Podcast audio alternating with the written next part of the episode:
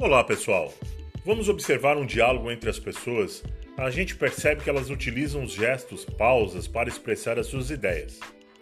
Mas será que quando lemos algum diálogo, a gente percebe que gestos e pausas são apresentados através de sinais? Não, né? É por isso que a gente identifica alguns sinais de pontuação para identificar na forma escrita a fala dos personagens, e cada um tem uma função diferente. Vamos estudar detalhadamente cada um deles? Se liga agora no podcast do professor Michael.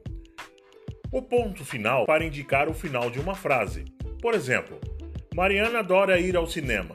O ponto final aparece logo após a palavra cinema. Já o ponto de interrogação indica uma pergunta. Vamos aos exemplos? Você não quer passear comigo? Ponto de interrogação. Você quer ir à praia? Mais um ponto de interrogação.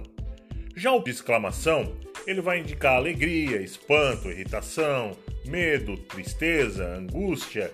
E aí tem um exemplo. Esse bolo é maravilhoso. Olha como a gente fala de forma é, mais intensa. Que delícia! Olha como estou exclamando uma alegria de ter comido aquele bolo. Já a vírgula serve para indicar uma pequena pausa na leitura, separar elementos em uma frase e também para separar nome de lugar, escrita de datas, entre outros.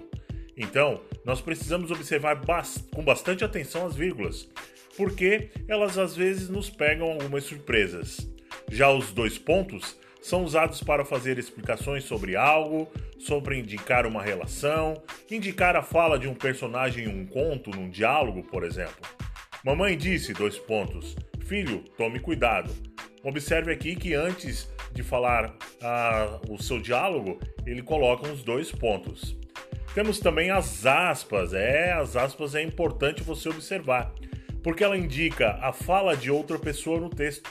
Serve para destacar pontos importantes, como nomes estrangeiros, gírias, entre outros. Por exemplo, as palavras são como os pássaros, as palavras são como os pássaros, entre aspas, diz uma importante frase de um poeta. Agora que você já sabe os sinais de pontuação, gostaria que você transcrevesse tudo que eu passei aqui nesse podcast no seu caderno. Eu quero mandar um abraço para vocês aí do sexto ano e até o próximo podcast do professor Maicon Viana.